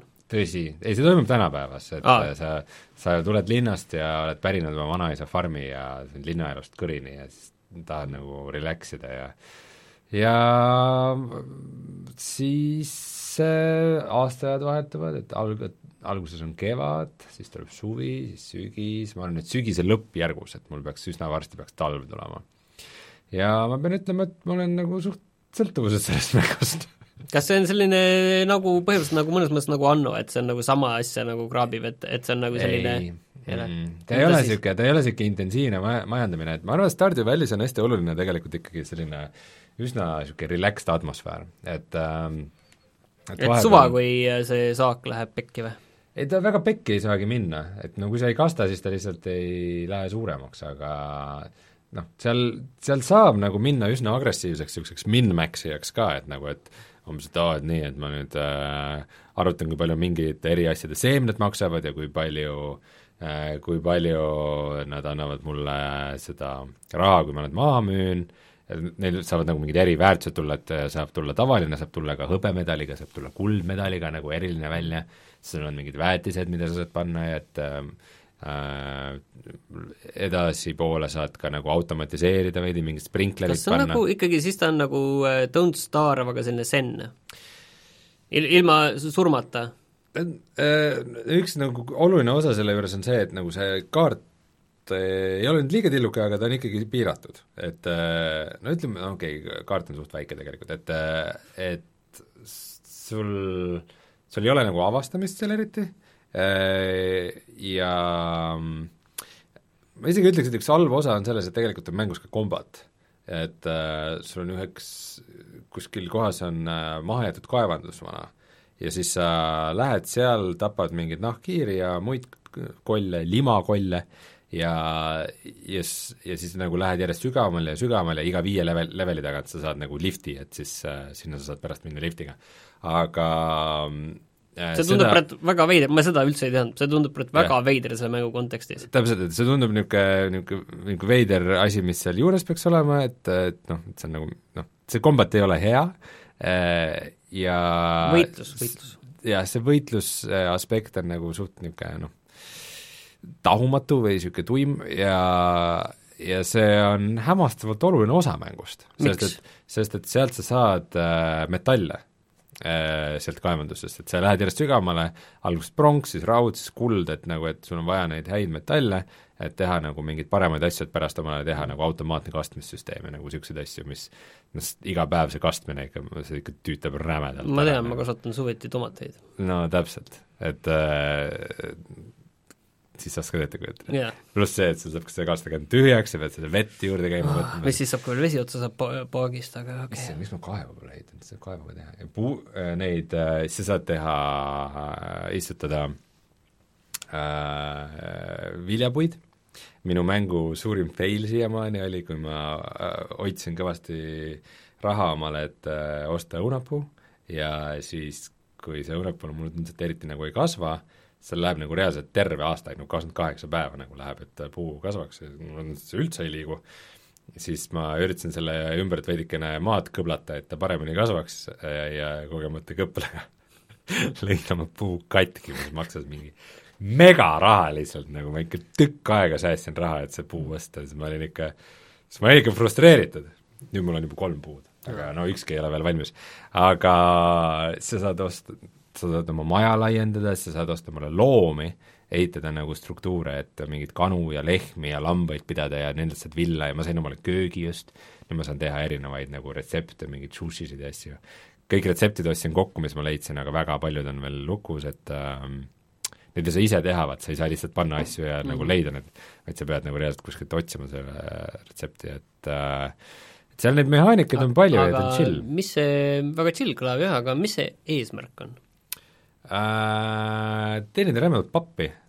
ja ongi kõik või? seal ei ole nagu sellist mingit, äh, mingit endgame'i või mingit, mingit lahendust või mingit asja, mille poole sa püüdled või ja selles mõttes ma vaata, see on nagu Don't Starve, ma ei tea, mis Don't Starve'is vaata praegu täpselt on, aga vanasti ma mäletan, et Don't Starve oli ka niiviisi, et äh, sa võisid minna nagu sellesse endgame'i mm., mis oli suht igav ja mõttetu vist, ma ei ole seda kunagi läbi teinud, ma olen selle endgame'is suht kuskil lõpus surma saanud alati mm. -hmm. et aga sa Endgame'i lõpus oled surma saanud? No, no jah, mitte päris lõpus, aga selles viimastes Taupt. faasides, viimastes faasides. aga selles mõttes, et äh, aga see ei olnud üldse nagu selle mängu point tegelikult, et see, ma ei tea üldse, palju inimesed sinna läksid ma ei ole päris kindel, mis see Stardew Valley's see hukk on nagu, et ta äh, kuidagi hästi nagu ikkagi tõmbab tagasi ja ma olen seda nüüd iga õhtu ikkagi mänginud mingid tunnid ja äh, ja tahaks muudkui põlde suuremaks saada ja et tahaks, et need äh, kõik taimed seal valmis, kõige hullem on see, et kui uus aastaaeg tuleb, siis sinu kõik põllud on nagu tühjad lihtsalt, kõik, üleöö on kõik äh, taimed ära mädanenud, välja arvatud mingid paar asja on, mis nagu suvel ja sügisel nagu võivad kasvada, et siis need jäävad alles, aga kõik muu on lihtsalt tühi, kõik raha, mis saad sinna panna, läinud siis on niisugune tunne, et ma hakkan, ma restardin selle mängu, et kõik see progress, mis mul on, suva. et äh, ma tean, et kolme aasta möödudes peaks midagi juhtuma. et mul siis varsti saab esimene aasta täis. et mis see täpne eesmärk on, see on jah, veidi segane, aga miskipärast see tõmbab äh, nagu muudkui tagasi.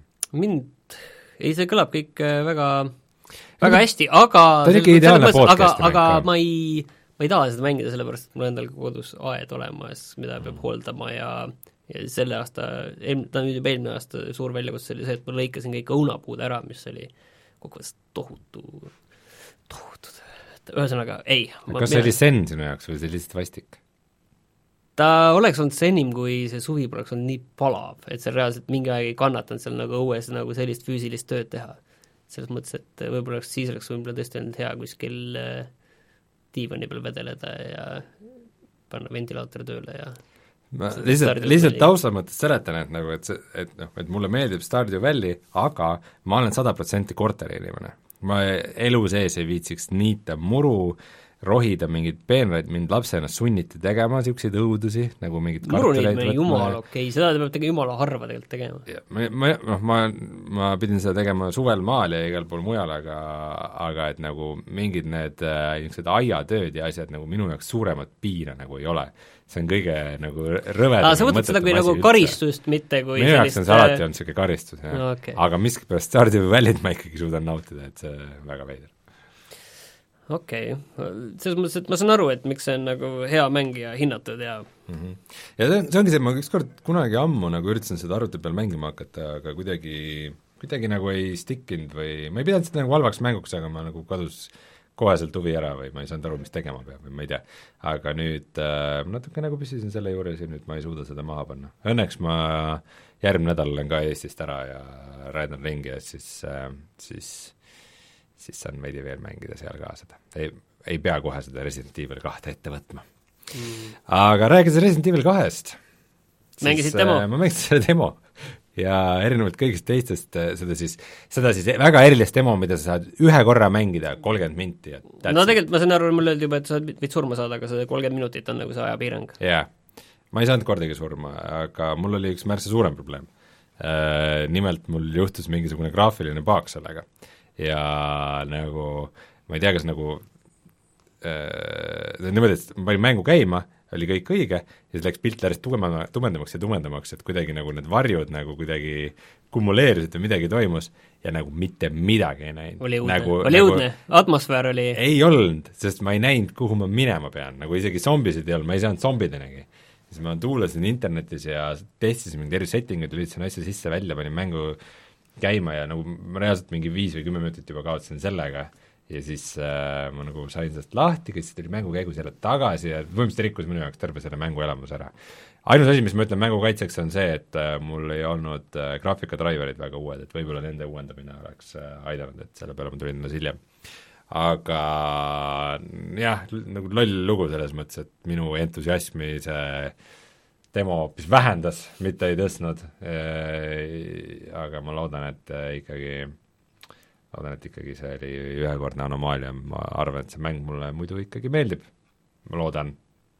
ei, ma, mul on ka ikkagi lootused kõrgel.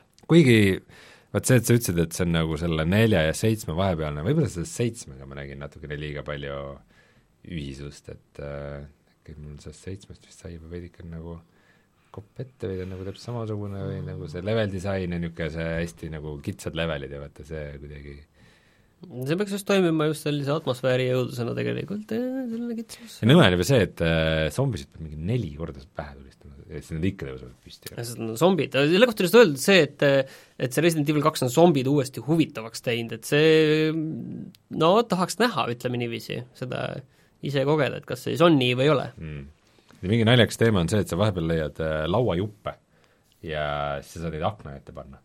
Et kui mingi zombi tuleb akna taha, siis sa lihtsalt paned kap-kap-kap-kap akna kinni ja ütled hää, ei no. pea, ma ei pea sinu peale kuuli raiskama.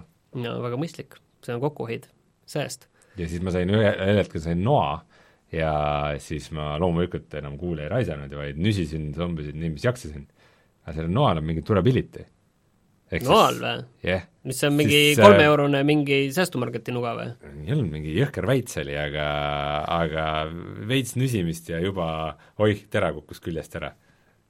et see on mingi teema, et selles mängus äh, ei peakski nagu väga nuga kasutama nagu niisama relvana, vaid pigem äh, nuga peab sul olema selleks, et kui keegi selja tagant haarab, siis saad kohe susata nagu. Okay. et, äh, et üldse nuga ei taha, tasu ära kulutada vist no igatahes selle kolmekümne minutiga ma sain äh, pisut aimu sellest mängust, aga, aga see üldmulje ei olnud äh, kahjuks piisavalt positiivne. no okei okay,, no loodetavasti loodetavasti siis, kui ma õige versiooni installin. aga kui positiivne oli sinu mulje sellest mängust, mida me just enne saadet mängisime, ehk siis äh, The Grand Tour Game, mis on siis äh, selles mõttes see on jälle selline, vaata muidu on need filmimängud räägime arusaadavalt, see on, nagu see on Top Geari mäng no no ta võib olla mingi Grand Tour või see on Top Gear. nii, no Grand Tour on siis äh, Amazoni saade, mida teevad äh, endised Top Geari tüübid äh,, Jeremy Clarkson äh,, James May ja see, mis on see Hammond? mis ta nimi on? Richard, Richard Hammond on ja ühesõnaga, me ostsime selle mängu lihtsalt vaadata, mis, kas see on nagu halb tõesti niiviisi, nagu öeldakse, see maksab viisteist eurot, see on väljas PlayStation neljale ja Xbox One'ile, tõesti, et ta on vaata huvitav asi, ta on selles mõttes, ta on, ma arvan, siin nagu ei ole nagu mingit kahtlust, et ta nagu mänguna on üsna kehv mm. -hmm. et äh, aga ta on huvitav selles mõttes, et kuidas ta seob äh, sellise sarja ja mängu kokku. et praegu on seal Grand Touril kolmas hooaeg ja sinna jooksvalt tuleb nagu sisu juurde, seda mängu teeb Amazoni enda mingi mängustuudio, see, see on, ta on väga selline lihtsakoeline. et sa ei saa autosid valida niisama, vaid sa sõidad seal selles kampaanias, sõidad selle autoga, mis sul seal ette antakse, on ju, mis, millega seal nad parajasti ise sõidavad, on ju. et kui sa, seal, mis seal võib-olla kõige huvitavam selle mängu juures, et on vaevutud, on siis äh, jagatud ekraan, et me saime sinuga koos näiteks seda mängida. et me saime mõlemad olla Jeremy Clarksonid ja koos rajale minna, üksteise võidu mängida ja seal veider see, et muidu üksikmängus sellist asja ei ole, aga kui sa mängid üksteise vastu, siis on ka power-up'id ja need on sellised suhteliselt jaburad, see, et saad teisele sõnumi saata ja siis see sõnum tuleb teise ekraanile ja sul on raske nagu näha, kuhu sa sõidad. et sellised natuke isegi mõtlema panevad, on ju, sellised äh, veidrused on seal. ja sa see... pead sind mõtlema või? Natukene noh, see ikkagi vaata niiviisi näitab, näitab niiviisi, ma hakkan elu üle mõtlema alles siis, kui ma näen seda videomängus, et aga selge. vaata, see on selles mõttes ähm, see, et see jagatud ekraan oli natuke hoopis teistsugusem ja aga muidu mängu nad on väga igavad, on väga lühike, kõik asjad on väga lühikesed, seal on selline äh, seriaalist filmilõik, mis on sellele sissejuhatus sellele väiksele mänguosale ja siis sa sõidad üldiselt väga igavatel radadel mm. -hmm. väga tõesti, need rajad, mis seal on, tõesti igavad. ja sõidad selle autoga ja ja see näeb välja noh, väga selline keskpärane B-mäng ta näeb välja, juhitavust, seal ei ole rohkem muud kui see, et sul on äh, gaas, pidur, drift ja põhimõtteliselt juhid ja ongi kõik ja mm -hmm. ja ega see juhitavus on suhteliselt noh, keskpärane, ta ei ole ka otseselt halb, ta ei, ta ei ole kindlasti hea, aga ta on lihtsalt selline keskpärane ja ma ei tea, võib-olla kõike seda õigustab, on see, et see maksab ainult viisteist eurot mm. -hmm. selle viieteist euro eest tegelikult võiks olla see, et sa saad mängust seest vaadata kõiki neid noh, sest see on puhas fännitoode sa võiksid neid Grand Touri osasid saada ka vaadata tegelikult, nagu täispikas, mitte lihtsalt mingeid lõike, vaid mm. täispikka osa, on ju, aga seal on see watch episode, äh, see menüüvalik on olemas, aga see viskab sind äh, PlayStation nelja puhul siis selle Prime video äppi aga võiks olla ju mingeid lisasid just, et mingi behind the scenes või mingeid niisuguseid asju? võiks olla, aga ilmselt nad ei taha seda teistpidi, vaata, neil kui neil on mingi behind the scenes materjal, siis miks seda niiviisi ära peita kuskile mängu, vaid mitte kuskil mujal meediumis näidata, et see on ikkagi selline, selline veidrus, ütleme niiviisi. et aga pigem ta ongi huvi, huvitav, kuidas et igasuguse seriaali mänge, et kui me võtame seriaal nagu selle formaadi, et neid mänge on nagu tehtud, on ju, õnnestumisi on äärmiselt vähe, ma ei tea, kas üldse tuleb midagi tõsist pähe, ma ei tea. Losti mäng. Losti mäng oli kohutav, aga mul on mingi väike soe koht on selle kakskümmend neli game'i vastu, millel ei ole mingit, ma tean, ratsionaalselt sellel ei ole mitte mingit põhjendust, see on see, mida me ühes lõpu, selles nädalalõpu bossis mängisime, on ju, aga ma tean, et ratsionaalselt see on täiesti kehv mäng, aga mul on kuidagi mingi seal on mingi see, seal on mingi PlayStation kahe nostalgia ja mingi selline halb kontroll ja selline see seriaali teema ja kuidagi seal nagu saavad kokku veidral kombel ja ma tean, et päriselt see ei ole hea mäng ja ma tean seda, et aga kuidagi seal on mingi soe koht. Aga kas see võib, võib öelda, et see on see Grand Tour siis, et see on natukene niisugune mäng, mis on veidi segaduses ise selle osas, et mis ta on või olema peaks või nad ise ei ole nagu päris enda jaoks selle lahti mõtestanud? ma arvan, et nemad võib-olla see tegelikult on, vaata mina olen võib-olla rohkem segaduses, et nende jaoks on lihtsalt see, et äh, nagu fännile üks asi veel, mida pakkuda ja müüa, et see ongi see, et näed, sa sõida nüüd noh, ole ise Clarkson, on ju, et äh, see teema, et äh, ja ma arvan, et mingite fännide peal see võib päris hästi töötada. Lihtsalt, kui sa tuled teiselt poolt ja vaatad seda teist meediumi kui mänge, on ju, siis sa näed, et see ei ole nagu eriti hea, lihtsalt nagu mänguna mm., et ühesõnaga pigem ma ei tea, kui keegi mõtles, siis äh, vaata, ega sellest soovitusest ei ole mingit kasu, et keegi mõtles osta ja siis ta on fänn ja siis ta võib-olla isegi on enam-vähem rahul, on ju mm.. lihtsalt saab rohkem veel seda Clarksonit, Maid Hammondit, vot. Aga räägi sellest Gradiusest, millest sa juba hakkasid rääkima, kui sa ma rääkisid Nesminist. Enda arvates selle jutu juba rääkisin ära, aga no ma räägin siis veidi detailsemalt põhimõtteliselt see on siis nagu side-scroller äh,, tulistamine ja, ja siis tulevad vastu kosmoselaevad, on ju. NES mini peal äh,? Jah, siis mingi kaheksakümmend kuus aasta mäng või midagi niisugust, nagu ikka päris vana. ja äh, siis sa ühe nupuga tulistad ja teine nupp, see on nüüd kavalam noh, teisega niimoodi, et sa saad vahepeal kaheksakümmend viis on see mäng. äh, saad power-up'e ja siis sul on vist kas mingi neli või viis nagu erinevat äh, asja, mis sa selle eest saad äh,, aga sa pead selle ise valima. nagu see power-up on alati sama, mis sa saad. esimene on näiteks kiirus, on ju. et äh, et kui sa võtad ühe power-up'i, siis see, see nagu ruuduke liigub selle kiiruse peale. kas sa selle võtad või mitte, on sinu valik. kui saad teise, siis sa hakkad nagu näiteks ülespoole tulistama ka nagu. kui saad kolmanda, siis siis sa hakkad allapoole tulistama, et sa pead ise valima, mis hetkel sa ära realiseerid selle, selle asja, et äh, niimoodi justkui nagu niisugune jooksu pealt RPG element justkui nagu mm. sisse pandud. Aga vot niisuguste mängudega on veidi see jama, et äh, kui ähm, kui sul on hea run äh,, siis, siis on hästi, siis sul on võimalus ja siis sa vast saad kaugele.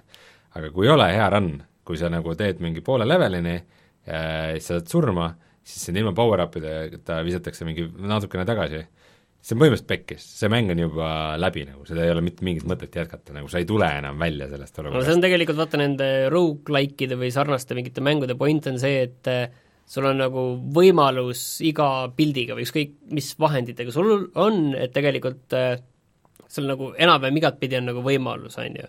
et see on nagu, ma ei tea, FTL on ju, et sa võid ehitada enda kogu võitluse välja droonide peale või mingit, mingit tüüpi relvade peale, on ju, ükskõik mis relvade peale sa nagu välja mängid, on ju, siis sul on nagu kokkuvõttes, sul on võimalus, on ju. aga vähemalt nii ma olen aru saanud aga, aga lihtsalt, et kui sa ehitad nagu valesti enda no ma, ma arvan, et seal nelja-viie skill'iga ei saa nagu nii valesti seda tegelast äh, või kosmoselaeva üles ehitada, aga pigem on lihtsalt see, et sul on vaja midagigi, et seal olla, kui igalt poolt need tulevad nagu ülevalt ja alt, et siis kui sul ei ole neid kõiki tulistamisi ja mingeid kilpe ja asju peal, siis lihtsalt on pekkis. Aga ma ei tea, ega ma pikalt ei viitsigi sellest Gradiusest rääkida, lihtsalt nagu see, see, et äh, kõikidest NES minimängudest ja just see nagu osutus mei-, meil nagu aastavahetusel suureks staariks seal, see oli minu jaoks üllatus ja see oli ma ei tea, suht niisugune äh, nagu need kõik NES-i mängud, see kontroll on kohutav, ma lihtsalt vihkan seda kontrolli. ja, ja ka naudin selle mängu inglise keelt, need paar sõna, mis seal ekraanil olid, et et näiteks üks, ühe power-up'i nimi on double, aga ta ei ole topelttulistamine, et see on hoopis mingi teine power-up. see double, double tegi hoopis selle, et sul vist, et sa lasid ülespoole ka või midagi mm., hästi segane mm., nagu nagu need paar, viis sõna, mis teil oli vaja ära tõlkida, et need olid ka valed, mida see Gradius üldse tähendab nagu? Gladius on see Gradius tundub ka mingi Vana-Rooma mingi Vana-Rooma see lühike mõõk on Gladius, aga neil on midagi sassi läinud, see on Gradius. et see on selles mõttes jah, kuld. ja rohkem ma ei teagi midagi rääkida selle kohta. no väga hea no siis me võime edasi minna selle peale, mida me soovitame, sest äh, mul vist ei tule ka, tahtsin su käest küsida, et veel, äh, millal sul äh, Red Dead Redemption kaks läbi saab? ma ei tea, mul on tunne, et ma panin selle nüüd natukeseks puhkusele, et ma tahan see... seda, ma tahan seda mängida edasi äh,, mul isegi nagu on sisemine dilemma, et kui ma nüüd mängin edasi midagi, hakkan nagu regulaarselt konsooli taga mängima, et kas see oleks enne God of War või Red Dead. Ma isegi arvan, et pigem God of War. et äh, sellest on nüüd ikka päris pikk paus sisse tulnud ja vaata need korduvad kollid ja kõik see, et nüüd natuke andestad mm. äh, seda osa rohkem ja, ja noh, God of War vist ka ühel hetkel saab otsa tõsi oluliselt varem kui äh, Red Dead Redemption kaks. kuigi ma Red Deadis olen ka ikkagi suht kaugel, ma olin seal äh, kampaaniaga Saint-Denis ja hakkan vist see ei ole kaugel? mingit pokkerilaeva hakkan röövima kuskil. aa, okei okay,, seal, no ikka üle poole, jah jah, et, et, et, et, et kunagi tuleb ette võtta, aga lihtsalt eks ta ikka läheb natukene korduvaks ka, olgem ausad. jah, ma, Red Deadiga oli mõnes mõttes mul sama teema nagu selle, selle South Parkiga, et ma mõtlesin, et kui mul see läbi saab, siis ma kappan veel seal ringi ja vaatan, vaatan neid uusi kohti, mida seal saab kõvasti nope. vaadata natuke ikka tegin seda, ma ühe päeva vist äh, nagu noh, mitte tervet päeva, aga lihtsalt ühel päeval kõik ma... kalad püüdsid kinni ikka? ei, kalapüügiga ma ei tegelenud üldse peaaegu. või see ei olnud kohustuslik, aga mis seda, ma ei viitsi teha mängudes et ma, ma, ma eelmine suvi käisin kala viimasel aasta, viimasel aasta, üldse viimasel ajal ma mängudes püüan märksa rohkem kala kui varem, kui mängus saab kala püüda, siis ma tavaliselt ikka püüan. Mm,. jah, millega algas meie Far Cry viie video, on ju, aga lihtsalt, et äh, mõtlesin, et ma olen seal kauem ja siis äh, ei jäänud rohkem ikkagi kauemaks, et ma seal, mis seal veel saab käia, siis ma tegin paar kohta ära, mis olid nagu sellised, selliseid äh, paar bounty't tegin ära, mis seal tulid, aga see oli ka, see oli ka kõik. nii, aga vaatame, mida me soovitame mm,. ütleme äh,, tahtsin seda veel öelda, et kui ta kunagi arvuti peale tuleb äh,, siis ma arvan, et ma arvuti peal võib-olla mängin mitmikmängu pigem. no seda jah, vaata, see on raske nüüd teha uuesti, selles mõttes, et et uuesti kampaaniat ma küll kindlasti mängima ei hakka ilmselt. see, see tundub äh, liiga võimas ettevõtmine. okidoki! väga mõtlema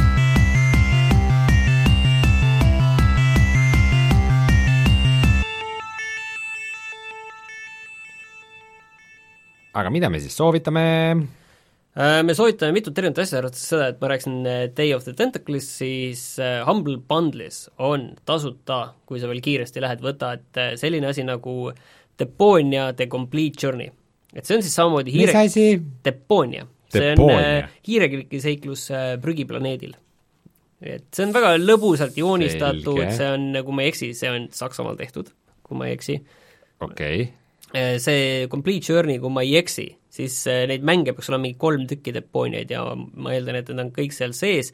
ma olen ühte, ühe olen sellest vähemalt läbi teinud ja teist olen mänginud seda. Need on sellised suhteliselt lõbusad ja vaimukad ka ja see on selline, sellised, äh, seal on seda vana head, seda fiili sees, aga samas need on oluliselt lihtsamad. vähemalt see esimene oli küll, ma teiste kohta ei oska öelda, aga need on oluliselt lihtsamad kui need järgmised või need täiesti tentakel. okei okay.. aga kui hiiresekkus ei taha, siis näiteks PlayStation neljale ma nägin, et äh, Doom kaheksa, Doom on praegu kaheksa ja Injustice on praegu kümme okay.. et äh, tundusid päris head hinnad. Steamis on äh, Steep praegu alla hinnatud kuueteist euro peale, kas see on liiga kõrge hind? ma ei tea, vaata selle, vaata Steam'i juures on, üks asi on neil hea et äh, sellist tüüpi mänge rohkem viimase, jumal teab, viie aasta jooksul või või rohkem lihtsalt ei ole. see on tõsi. see on see, et see on nagu ainus äh, valik, et lumelauaga saab sõita, vist oli see mm, mingi Tony Hawk'i, ei see ei olnud Tony Hawk'i, see oli selle teise tüübi Sean White. Sean White'i mäng oli millalgi ja siis oli see mis see Battle Royale, mida siin mingi mingi Elysium Ring, Ring of Elysium, Elysium mida, seal, seal on ka lumelauad, aga muidu see, muidu selliseid asju nagu rohkem väga palju mängudes ei ole. okei okay.. et ähm, noh, pigem vot seda ongi, et kui sa tahad sellist asja, siis see on nagu ilmselt nagu okei okay,, see Steep, aga lihtsalt, aga see on, mõnes mõttes ongi see, et parema puudumisel mm. -hmm. et siis äh, saad, seal on suusatamine, lumelaud ja mingi see äh, langevarjuhüpped ja siis see lendorava kostüüm. Mm. mm.